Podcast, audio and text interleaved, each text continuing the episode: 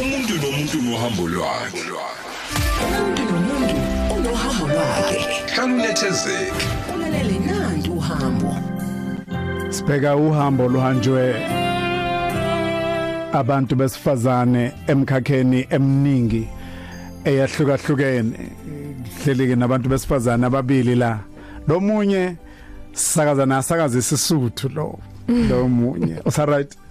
Eh ke Uziz- siam uzizwa ke njani? sa siam eh ke siam Usasiam. eh Eh, Go monate batho ba batho ba Khosi FM ke batho Ne. eh ba re amogela Bakwemukele kahle, eh, eh, ba re nothando lwabo. thabetse Yeah. eh Ne. ngalo mm Sajabula ukuzwa lokho. Eh. Okay. Kulungile ke asethule nansi i- i i guest yethu namhlanje. Eh, aw- aw- Awuyethule wena. Yeah, introduce nangu. Ke introduce eh. batho ba gaetso ke dutsile o se mme mosadi o montle Oh, okay. o montle wa maemo wa mosebetsi o montle o siameng ke motho o ikokobetse o tlile go tlo dula le rona go tlo bua le rona ka ditaba tsa basadi ka kgwedi ya basadi ka mosebetsi wa gage ba re ke entrepreneur ka sekgowa! Wa ipereka. Yay! mmereko wa gage ke mmereko o siameng. Umzwile kuphi? pressure ngaka. Uthi. no ngiyabonga. Uthi. um u- njengoba nila e-studio namukela u- usisi or umama ngenyanga ya- yabesifazane. Eh ukuthi umama lo oze oze namhlanje uzonazisa ngokuthi wenzani yena umuntu wamabhizinisi kanjalo nje ya. But angizwisisi kahle kodwa ngil- ngilandelile No man kulungile. Gugu uqhamuka kwaZulu Natal ngokuzalwa kwakho noma ususebenza la eGoli ngokumsebenzi wakho sizofika kudala lapho. Yes. Sigodi intombi ezalwa ku seyiwakhe kupha amanzi. Yes. Eh zayikhuzela kuphi insizwe ntshitshini bayo.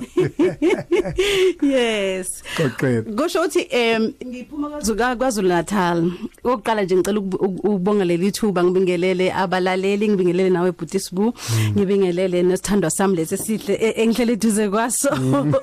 Eh ngiphuma kwaZulu Natal igama ugugu mkhize eh ekhaya umsuka wasekhaya basuka ekwanqetho endaweni yasembo. Embo. so yes ngizalwa ke insizwa ekuthiwa umandla we- uCyril Mkhize eh owa owashada no nozanele umambambo owayezalwa uMabhengu yena. So ubaba wayezalwa uMaphewa. Eh so ngizalwa kule family ke bamuvile ke ngok- ngok- ngokuhamba kwesikhathi bamuvele eNew Germany. Njengamanje bahlala eNew Germany but indawo zase zabelungu lezo but ukusuka nje kwabo basuka eh eh kwanqetho. Eh ngokuhlala ke si- sihlalile khona kanqetho sabuye sasuka sayohlala nasemolweni isikhashana. But isikhathi esiningi mina bengifunda em kuma boarding school so ngithe nje mangisuka kuloko sekuthiwa manje ugrade uh grade 8 ngahamba ngayofunda e e- e e boarding school yayikwaZulu okwakuthiwa im izipho zonke. It was a boarding home.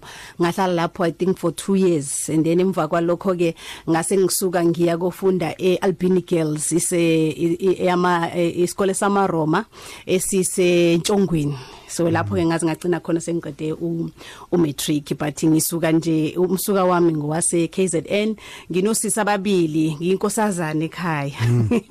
So um nginosisi ababili unosipho nombali eh, umbali umagcina wasekhaya. Bese ke ngenxa yokuhamba but zozwe istory sami njengoba siqhubeka eh, emshadweni ngagcina ke sengithole indodakazi yami umahlengi uhlengiwe wakandlovu. So ngisuka nje eKZN ngokusuka kwami ya. Okay. Uma bani uma wakho? umambambo Oh. Umambamba, umageza ngobisi. Yeah. Yes. Okay. Wakuthola lapha insizweni ya umfoka ngunezi. eh ungunesi yes Khulwa kanjani ekhaya? Sixoxele ngesikhathi sobungane bakho. Simo sasekhaya eh, konke ekhaya kwakukuhle. Eh Ukufunda nakho siyakuza ufunde nasema boarding school kusho ukuthi imali ayikhona ekhaya. Ne?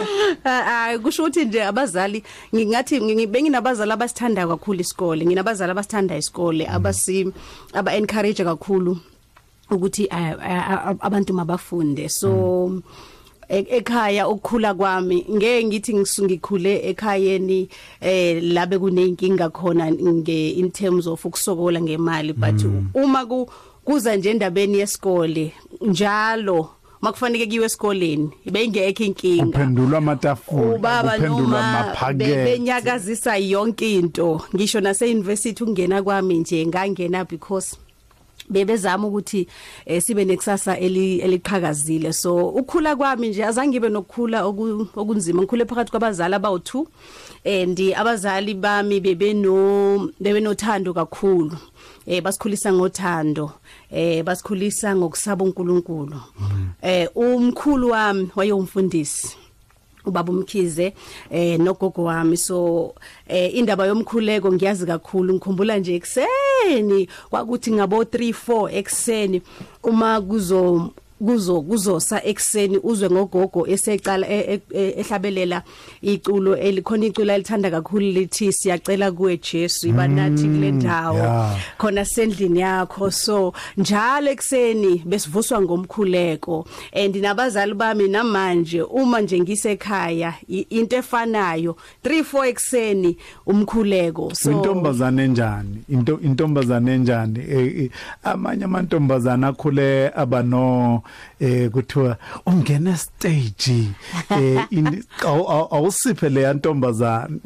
Okay ake ake bakulalele njalo.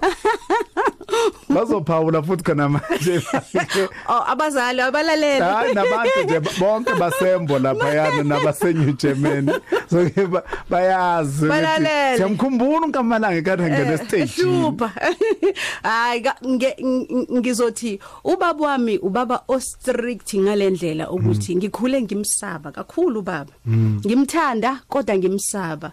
And bengisaba into engathi nehlazwana phakathi. So obviously ngesikhathi ungena estageini kuba naleyo ma influences abantu abangani but ngasheshe ngaphaphama kakhulu ngabona ukuthi ey ngeke uku ukuphika nabangani ngeke kuze kungisize ngalutho because isikhathi esiningi bengifunde endaweni la bab- bab- babenza sure ukuthi bangifaka kuma boarding school anamantombazane kuphela. La khona la kungekho khona abafana. So i think lokho kwangisiza ngoba kungiprotectile in the eh, eh, ekutheni ngingabi exposed kakhulu. Eh eyintweni mhlamba abanye amantombazane agijime azigijimela ngaleso sikhathi. So isikhathi esiningi nje ngikhule ngimsaba kakhulu baba.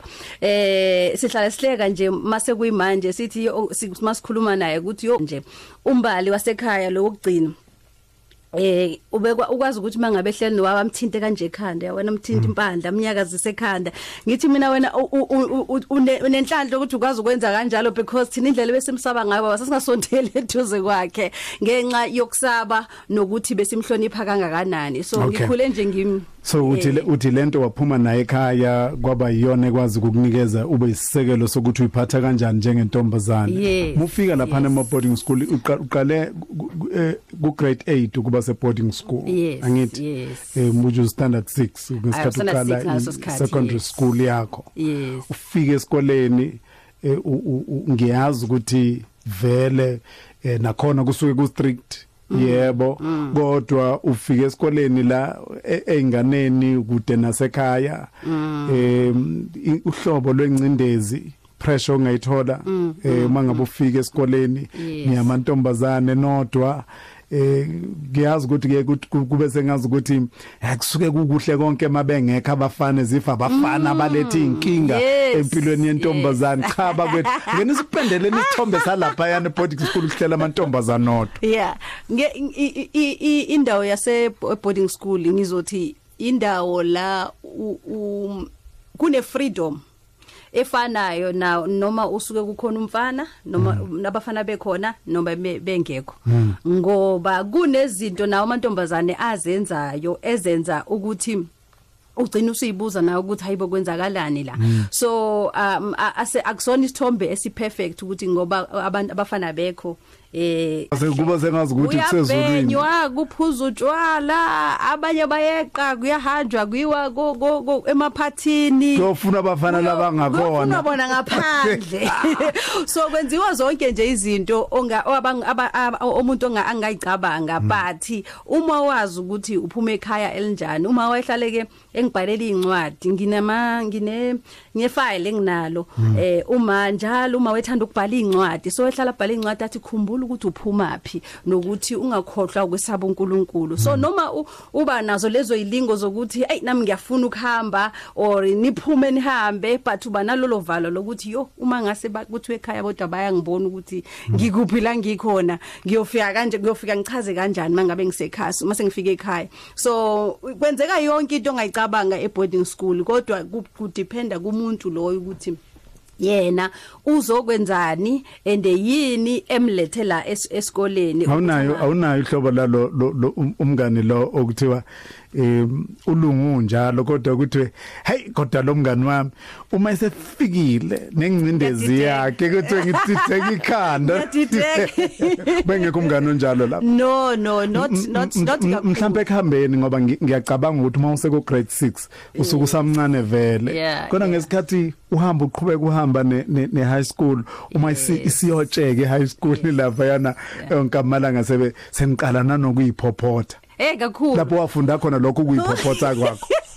So ke budisbu mina into enye eh, eng- eng- eng- engayisho ngekuqaleni ukuthi ngesikhathi ngise kule boarding school ya ya- yase Ntshongweni eAlbini Girls. So ngifunde ngiyi day scholar so kwakukhona ama day scholars bese kukhona bakhona laba abahlala ngaphakathi. so mina bangiyi day scholar so bengitravela eh isikhathi esiningi ngingene towards i- middle of the year ngo sengenza umatric eh sengiyohlala ngaphakathi so angeke ngize ngisho ukuthi abebengekho abangani aba aba influence ebhedayo ngoba nakhona la emabhasini sihamba uhlangana nayo lonke uhlobo lomuntu. Kodwa nje angisa- ngingathi angizange ngize ngibe nebhadi lokuthi ngibe nomngani owayengidonsela entweni ezi ezi- eziphuma eceleni because ngangicabanga ukuthi uma ngabe nje ngigibela itaxi ngiye Pine Town ubaba ngizombona noma yi- ngambona nomini so so um ngathi nje eh ku- ku- baya- ba- bayaba khona. Abangani abangayona influence right but uh, ngathi ngibe nenhlanhla nokuthi ke ngathola ngamukela uJesu ngisasemncane. Mm kwangisiza kakhulu ukuthi ngamukele uJesu because zonke lezi ezinye izinto mhlawumbe ezi e- ebezingangenza ukuthi ngi- ngi- ngiphoseke emgodini uNkulunkulu wangi- wangilwela ukuthi ngingangeni kusona U- usayibalula yona kanye le ye- ye- yokwemukela uJesu. Iexperience no- no- no- nangokwemlando abantu abaye ba- ba- ba- bayisho ukuthi ku- ku- kuze kube sengazi ukuthi ungathi inkosi ngiyilandela ilinge ezingaphezulu kwalezo. Usurvive kanjani eb- eb- ebusheni bakho esikhathini lapho usuthi khona sengemukela uJesu. Ngi- ngifuna njalo uku- ukuya kuyo eh, el- le yanto yokuthi uphila kubantu abangemukele Jesu njalo bona. em uthola ukuthi kwesinye isikhathi ngoba useyingane usamncane kwesinye isikhathi kube sengazi ukuthi akukho khulu kwasayona lento sitshela ngayo yokwemukela uJesu. Angithi angithi sifuna kusizakala nalomuntu mhlawumbe owemukela uJesu kodwa o- ozizwele le- ingcindezi Yeah. esimenze washiya phansi waze wayidropa yonke lento bona ngazi ukuthi ayiyenzi sense. Yes yes. Ngizothi ukwamukela uJesu akusikhona ukuthi inkinga ziyaphela. Um but kwasakuthi kwasakuthi unedumukela uJesu kwasingathi usuhamba nefence noma uhambe emoyeni Noma cha. uhambe emoyeni. ngihamba khona la ngigeza khona la ngi- ngidla khona la ngiqoka khona lezi zinto lezi eziqokwa abanye abantu kodwa i think okubaleke kakhulu ukuthi uma usuwamkela uJesu kubalekile ukuthi uthole i structure eh noma ikhaya eh spiritual home uma wamkela uJesu ube actively involved also kuma kuma kuma activities ey- Asebandleni. ey- eh, asebandleni. Uma khona izinto ezenziwayo ebandleni ungadonseli inyawo emuva ngoba iyona ndlela le usathana usathana ngitshontsha ngayo. Ugcine usuyithola usuphoseke nasemgodini. Obungeke uzuphoseke kuona so kuhle ukuthi uma kunamakhwaya enkonzweni uma kunama um ac- eh, activities or izinto ezenziwayo zasenkonzweni eh eh ngena ugxile enkonzweni and ube nabantu enikhuleka nabo nabantu abasizana nabo ukuthi indlela enihambayo nihamba indlela efanayo. Ene into ekudonsa kakhulu ikukhiphele ngaphandle njengomuntu omusha ukuthi uma uzoba umuntu omusha wamukela uJesu kodwa ube neassociation yabangani bangaphandle abangamukele uJesu. Inkinga leyo ngoba ikudonsela ikudonsela ebungozini. Okay. Lungile sihleli no nogugu wakwamkhize sibheka uhambo lwakhe ngizama ukulithola kahle lolu lwalapha yana bunganeni ngoba kaningi sesilinyanyala sesilinyanyalade wena gugu. Eh silinyanyalade sesheshe sidlule kulo kanti ilapho umuntu akheka khona. Em amaphutha amaningi esawenza siwenze ebunganeni bethu. Em ungabuthola ingane usamncane ngiyakhumbula nje mina. Eh, i- intombazane ingitshela ukuthi ikhulelwe. Mm. Ngesikhathi nje isho kanjalo kwabuya amazwi kamama. Mm ayikade washilo kumina ngesikhathi ngihamba ngiyofunda ngisuka e- ekhaya ngiyofunda kude lapho engangizofunda khona. Athi uma amantombazane awapheli. Ayohlale khona eh sasazalwa namanje. Now ecabanga ukuthi u- uya kanjani kuma uyomtshela ukuthi mayibabo nansi intombazane ithi khulelwe ekubeni uma achazela ukuthi njengoba uya lapha uyofunda ayeke amantombazane ngoba amantombazane awapheli. Yeah. so ke kaningi sithola ukuthi siyanyanyalada leso sigaba leso sokukhula kwethu ngenxa yokuthi eh, sisuke sijahe ukuzobheka lapho sekukhona khona izimbali ugugu so Seku-right. celebrate manje. Yes. ukuthi nangu CEO okay sabuya ke silalela uhambo lukagugu ngo19 after 10 uhambo. Kwindumiso. Nosibuku thelezi lapho kukhona owesifazane kukhona indlela. Ukhozi FM lugubha inyanga yabantu besifazane. Luhamba phambili. Ukhozi olumaphikophiko. Luhamba phambili.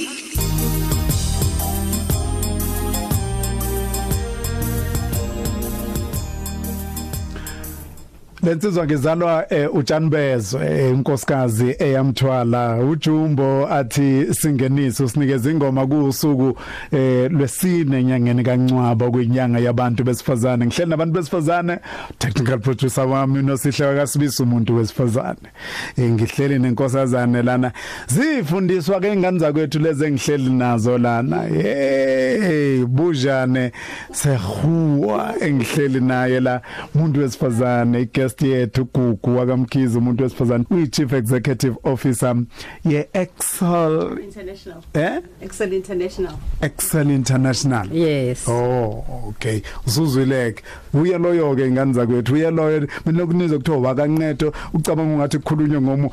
Uye loyo CEO we Excel International esikhuluma naye. Amandla abuza kungokodwa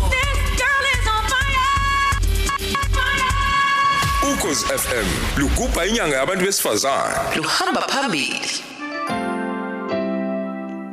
Sizuke yethi singamashumi amabili neshagalombili emva kweleshumi ihora 28 after 10 kulolu hlelo lwendumiso namhlanje indumiso ke sikwethulela yona njalo njengesonto ekseni sinamakhosazana la eh sina u- u- u- bujani lisho ukuthini ligama lakho?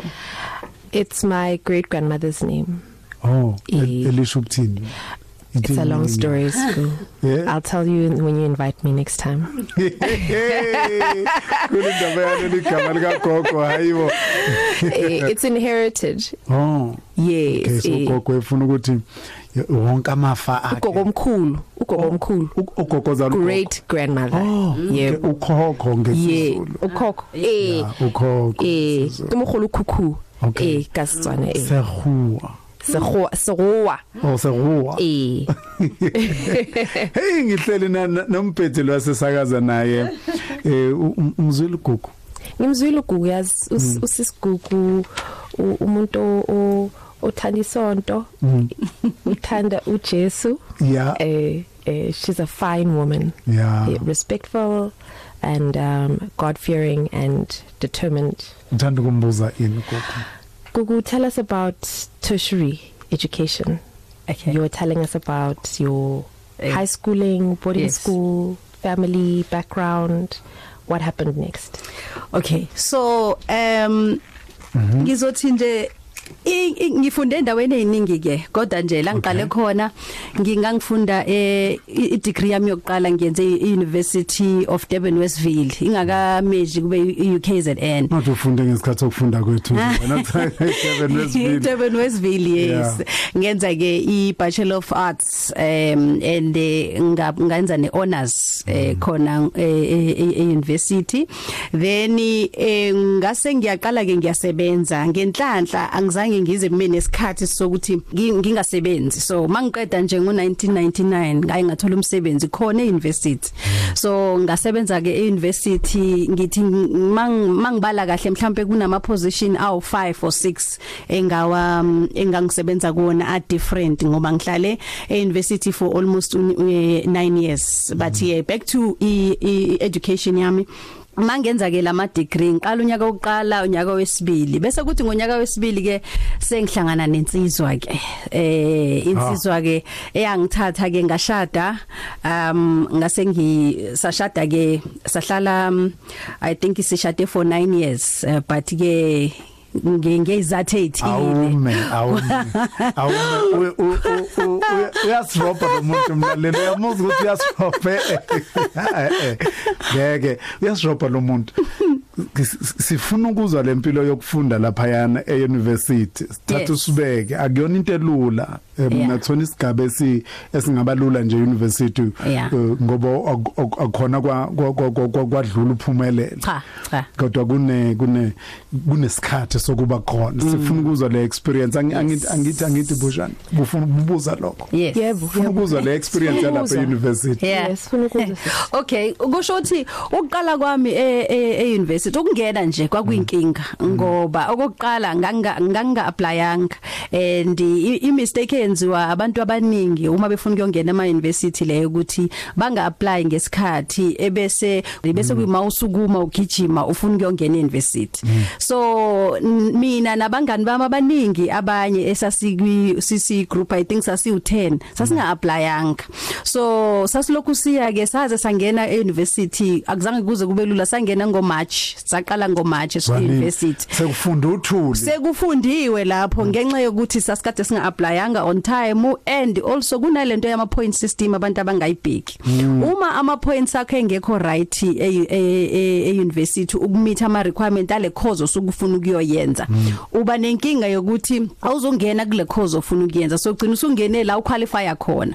Eh and i- isona isizathu lesesenza ukuthi umuntu agcine senza i bachelor of arts because mangiyibuza namanje nami ukuthi ingisiza ngani le bachelor of arts angazi ukuthi ngisiza kuphi ngaleso but ke- sikhathi kwake kuthi uBA general Yes, futhi kube sengazi ukuthi yes. wawuyenziwe sengazi ukuthi uyithemba la wonke umuntu ukuthi wena U-BA ngathi mina general. nididekile Oh, yes. izonisiza ngesikhathi ukuze kuze kubuye ingqondo Kuze yes yes kunjalo So Ne- kwenzeke nokuthi- kanjalo. nokuthi e- enye into ngoba ngenxa yama points sang- sagcina singene ku- kwi- kwi- kuyona i i bachelor of arts. And then emva kwalokho ke ngase ngiyongena ke ngiyokwenza i i- i honors kuyona i i- i arts. But i- i- into engishoyo nje umeja ukuthi- nganike? Umeja ngani? U- u- u- ngangimeje ngeEnglish nesizulu. Eh ngingangimeje ngeEnglish nesizulu and geography uyazazi yini ukuthi wenzani noma nje u- umane umeje ngakho nje? Ah I think ngalesa sikhathi kwakusahlwile kakhulu ukuthi umuntu athi wenzani but ngangwathanda ama languages kakhulu. So ngangafuni nokulahlekelwa i language yami isiZulu. So nga decide ukuthi ngiyafuna ukuyenza i- isiZulu. And isiZulu sase high school nesiZulu sase university asifani. Si si si si, si different kakhulu ngenxa yo yokuthi curriculum ayifani.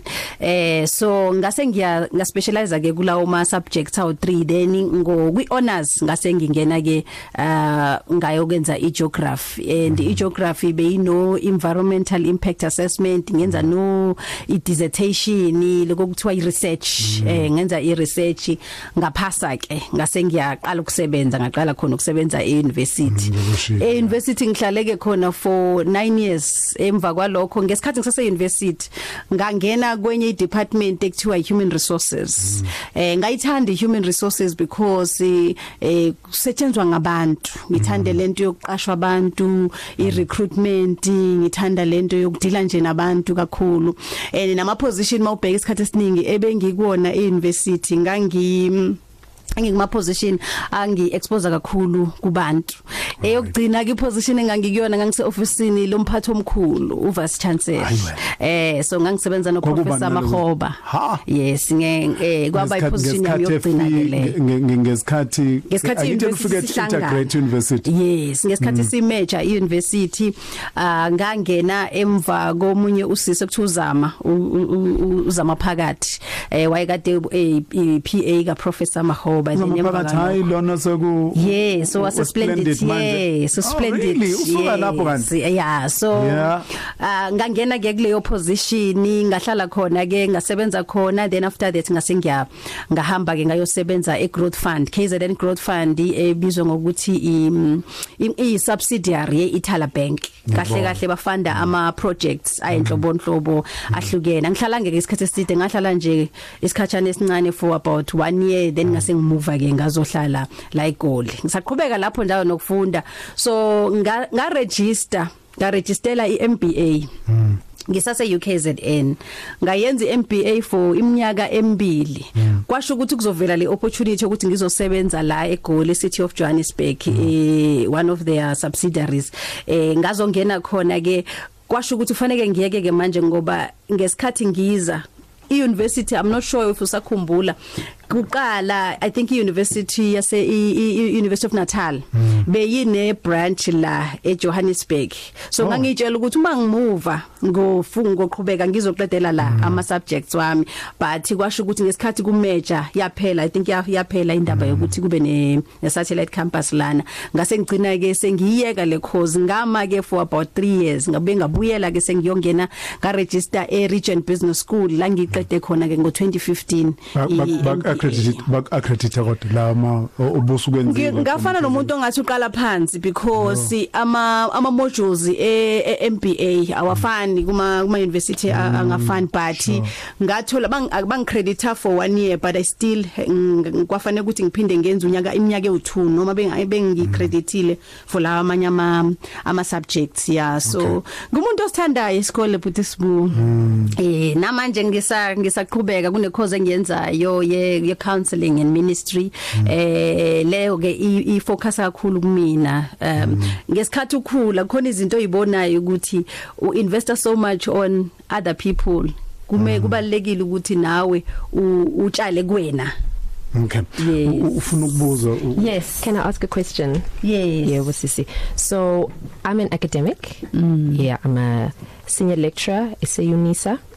Um, I teach financial accounting. Mm-hmm. Darling teacher vele, like mm-hmm. primary school, high school, etc. Yeah. Um, and through my app, I go to schools and I teach Yes. secondary school learners. yes I see your passion for education.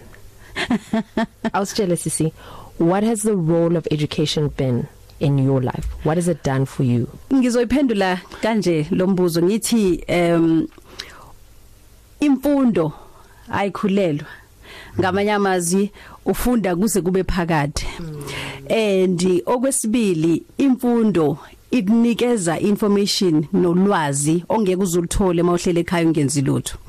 Ngiyazi ukuthi isikhathi esiningi la eMzansi sibhekene nenkinga inkulu but sibuye kungabi khona kwamathuba omsebenzi. Eh abantu bafunde bafunde bafunde bayi- bayithuthukise kodwa uthola ukuthi manje usehlele ekhaya akasafundi akasatholi akasathola umsebenzi. So imfundo mina ingisebenzele kakhulu ngoba ingivulele iminyango eminingi. Yeah. Ukhona indawo bengeke ngikwazi ukungena kuzona ngoba be equation yokuqala bekufike kuthiwe una yipi qualification Yeah. um umatric siyawubona but yini qualification onayo? And isizathu esenza ukuthi ngigcine sengenze iMBA kwakuukuthi um ngifuna ukuthi ngibe nokunderstanda okuphelele about ibusiness environment.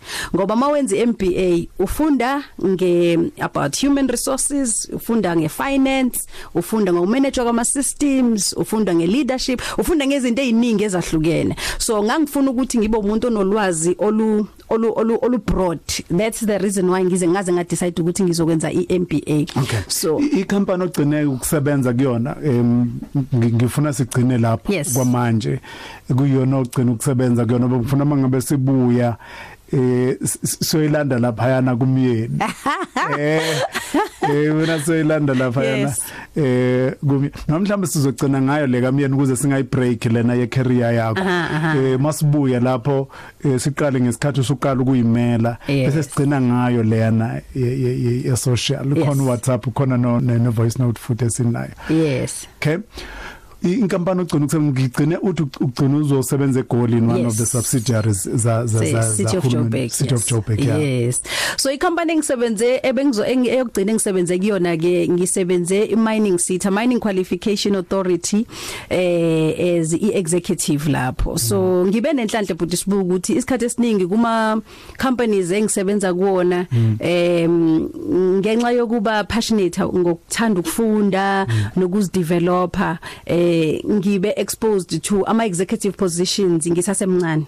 So ngingathi ke eh, ngesikhathi ngiza vele ngisuke eThekwini ngiza la eGoli ngangizoba iexecutive ngizo reporter directly ku ku CEO nakhona ah, ngasebenza ngahlala kahle i relationship yethu yaba kuhle yaba inhle kakhulu kwicompany engangisebenza kuyona to a point where njengamanje eh ngi i- u- umphathi wami ewaye owayengiphethe usey client yami njengamanje ngenxa yokuthi eh uyawazi umsebenzi wami. Wow. Thandileke leyo siyabuya ke sikhuluma no Gugu Mkhize uyena esi sithi namhlanje akasinikeze uhambo lwakhe silwazi ngoba silwazi uhambo lomuntu kodwa sikwazi ukuthi uhambo lomuntu nomuntu luyabakhuthaza abanye abantu. Ntokozo Mbambo uthi khululeka. Yathintando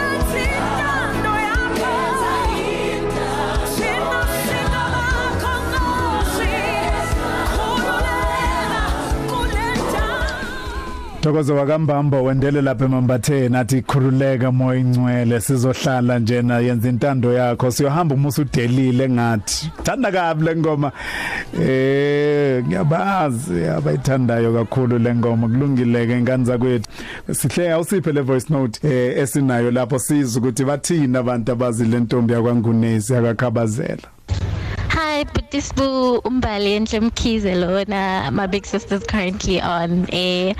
And I just want to say, I'm so proud. Oh, That's my sister. ekhumbula umuntu Umbali. umbali okay ufuna ukubuza ukumbuza umbuzo okay ut ut ut right busha Eh, uhleli lapha Comfortable. uchafu. ubona ukuthi uyayithanda ubone le impumelelo yalomuntu wesifazana Mm, oh, I love education. I love education, self-development, determination. Yeah. yeah. Eh, Okay ngaya lapha yana ke ku ku Instagram ngiba postile lapha yana. Eh awuyazi ngisafanele ngiyo edita ke manje ngisabhalanga ukuthi uyena muphi ugugu?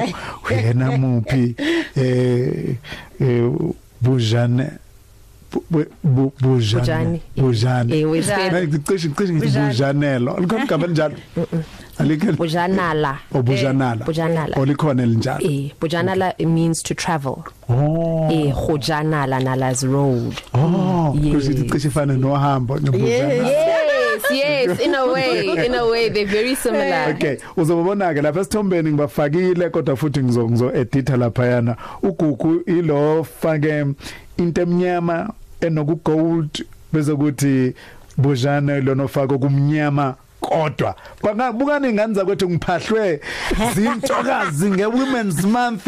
Bukani lapha yana i am sibubutheleze ku Instagram ay zaze zazi inhle intombi. Ngane zakwethu nami ngazanywa ukhozi ingane zakwethu eh ukhozi nje lwenza lezi konke lokho kube possible.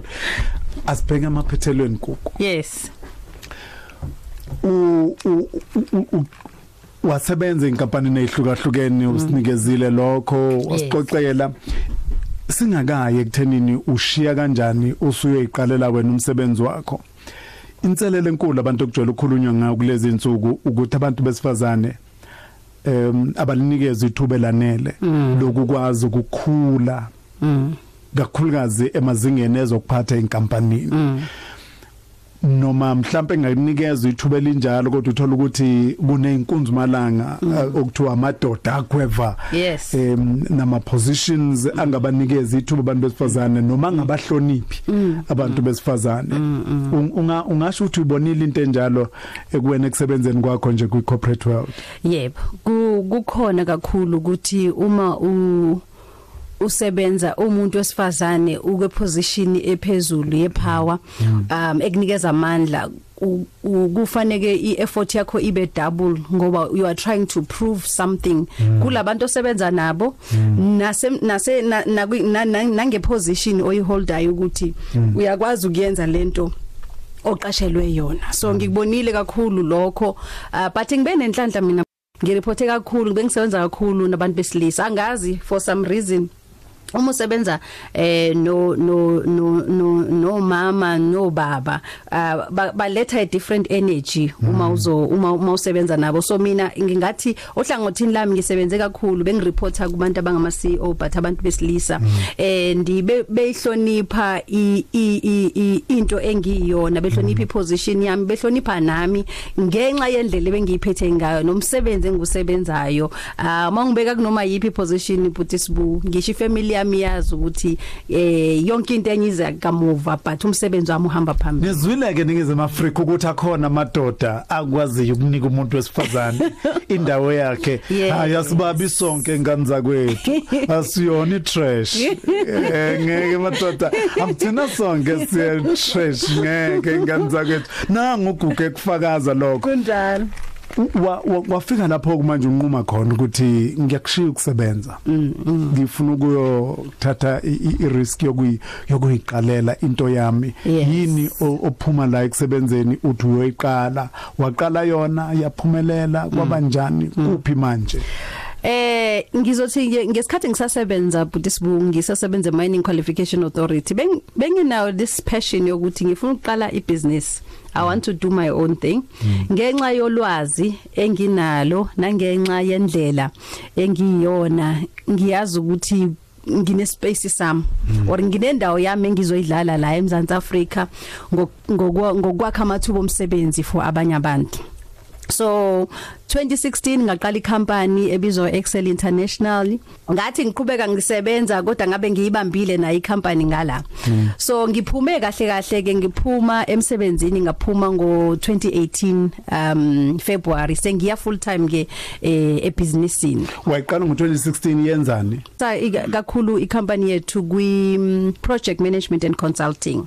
So si manage nje ama projects are different eh qala ku construction Hayibo. si manage ama projects uh, and also siya consult with ama companies afuna ukuthi sibasize ngokudevelop ama strategies abo ama companies afuna ukusizwa ngama processes eh managing um izinto uh, around um mhlambe eh, eh, ama projects eh, but bafuna uku outsource ama projects wabo even though they um running ama companies ngaphakathi so umsebenzi wethu nje u- ubanzi ngi- ngingathi nje si manager ama projects but general um uh, projects across wonke ama sectors hayibo yes. Ubunzima noma ubulula bakhona? Kunzima kakhulu bhuti sibu ngoba uma ngi- angithi manje ngisuka ngiwu- ngi- ngisuka ngiwumaqhuzu.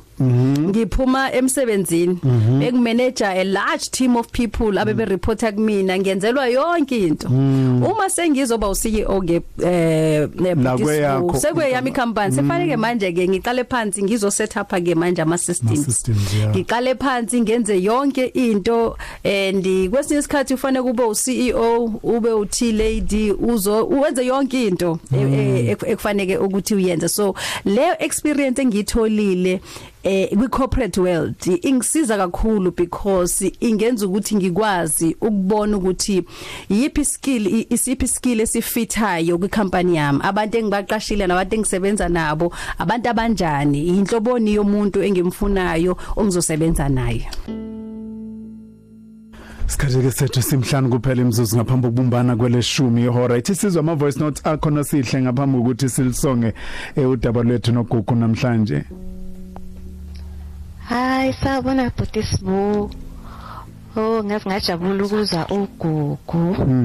Mkhize besifunda naye eAlbini Girls High School eNtshongweni. Ngagcina kumbona eLamonti. Angiphindanga ngambona oh it's so great to hear ugugu bakithi siyabonga shine Albini shine. Ingane zankosazana Malinga. Hawu Ah. siyabonga sisi gcine nje. Uphumelele njalo. Uyalimisa igama lase-albini nabantu besifazane imbokodo ayiye phambili bakithi siyabonga. Usingicele gogo noma ngisemva kakhe kancane but I'm sure uzongikhumbula mina ngiyamkhumbula nje kahle bakithi. Very humble lady siyabonga. Wow siyabonga we- wemacela tholenye nosihle. Sanibonani bhuti sibuko khosini and a big hello kusisi wami uGugu. Eh usithenzi Mandelo umamkhize.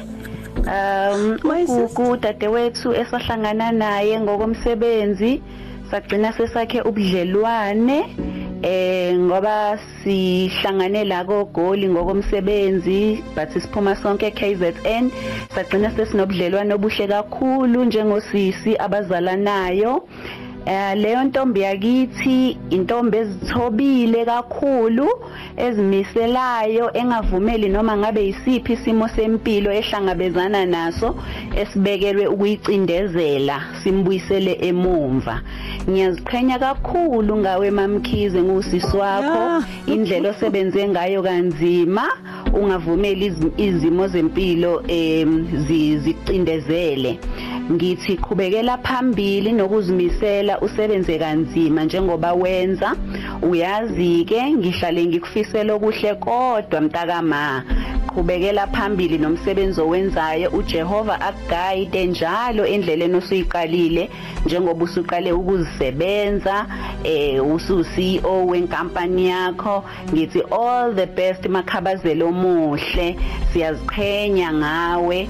Hlala uzithobile njalo uhlale kuNkulunkulu uzoba nawe ngaso sonke isikhathi ngoba umbonile ekulwela ezimeni obhekane nazo empilweni. Namanje uyakhola uyakuphakamisa ngaso sonke isikhathi ungamkhohlwa uNkulunkulu njengoba wa- uyingane yazi uNkulunkulu ngithi ke ntombi yakithi yakokhabazela hlala kuNkulunkulu umumbo omuhle uqhubeke nokuzisebenza nokusebenza kanzima nokuzimisela. All the best siswami usithembile mkhize lo oshadele kwanzimande ngiyabonga. Wow. Ah. eh Wow. I'm, I'm sure i- i- i- i- iyayihlala iyathola indawo enhlizweni yakho lamazwi angaka. Ey, uyazi u- u- usisi sithe usebenza e Department of Mineral Resources. So ngihlangane naye through eMQA. okay. Kulungile ngoba sisibheke indabeni Yeah, sizovalelisa kahle emva kwezindaba. Nosihle uneyokugcina ngithi. Hi, this is Sina. Um, that is my sister on air. I'm so proud of you. You push me to want to do better in life. Like, wena, I see my goals. I always say you are my goals. You work hard and it's evident in everything you do. I am so proud of you. Keep up good work. Senamile. yeah Ku- kuba njani ukuzwa abantu bekhuluma kanjena ngemsebenzi yakho Kuyathobisa buti sibu because anga bengazi mina ukuthi uma wenza izinto abantu babhekile. Mm. Eh iBhayibheli lithi sinesixuku sofakazi. So kusho kona ukuthi yonke into oyenzayo ama steps akho kumele wenze sure ukuthi uyazigada ukuthi wenza wenza ini kanjani ngoba khona abantu abakubhekile noma bengak- bengengakutshela ukuthi bakubhekile but bakubhekile. Eh, yeah nantu hamba kungifuna ukuthi eh, sivele si- siphothule into yethu kwenzela ukuthi eh, siph- siphethe kahle eh, nalena intokazi. Sibe nesikhathi esimnandi Yes. sinawe. Em kodwa ngiyazi ukuthi kunaleya ngcinyana engcine kade simise ngoba iyang interest leyo yokuthola insizwa. Uthola insizwa ihamba ishaya inkomo iphelele kwamkhize. Eh. Zamabheka ufaka imvakazi phinde uphume futhi. Mhm. Asixoxele kafishane. Eh ngizothi nje Butisbu ngenza unyaka wesibili euniversity and then bese ke um ngihlangana nensizwa yakandlovu. Eh so ayike ibeke ibeke udaba layo sivumelane eh size sigcine sesishadile ke Mm. usafunda njalo? Yes ngangenza unyaka wesibili. Yeah. So a- angifuni ukungena khule enkingeni kodwa um nje uhambo lwethu la sihambe for about 9 years sishadile. And then emva kwalokho ke- unothando. Yes, kunothando nezingqinamba nezinkinga nokunga understandani ngoba i think enye into um ukubalekile uma ushada or uthi ukhetha umuntu ozoshada naye eh ukhetha umuntu enihambisana naye ngokombono. Wempilo. We- wenzani yena? nangombono. ngesikhathi ekushada wena usafunda Ngiyasebenza yena mina ngiyafunda. Yes. So mase ngiqala ke sengisebenza nami i think izinto zashintsha nema power dynamics ashintsha ngoba eh umuntu uma kade ngamala ngase usapho- realize naye ukuthi nginamandla na? Yeah so um ngathi nje kwaba kuhle kodwa kwabuka kwaba kubi futhi eh okwagcina ke sek result ekutheni eh uphele ke umshado. Um ngase ngithi ke into enhle kakhulu yaphuma emshadweni was my daughter.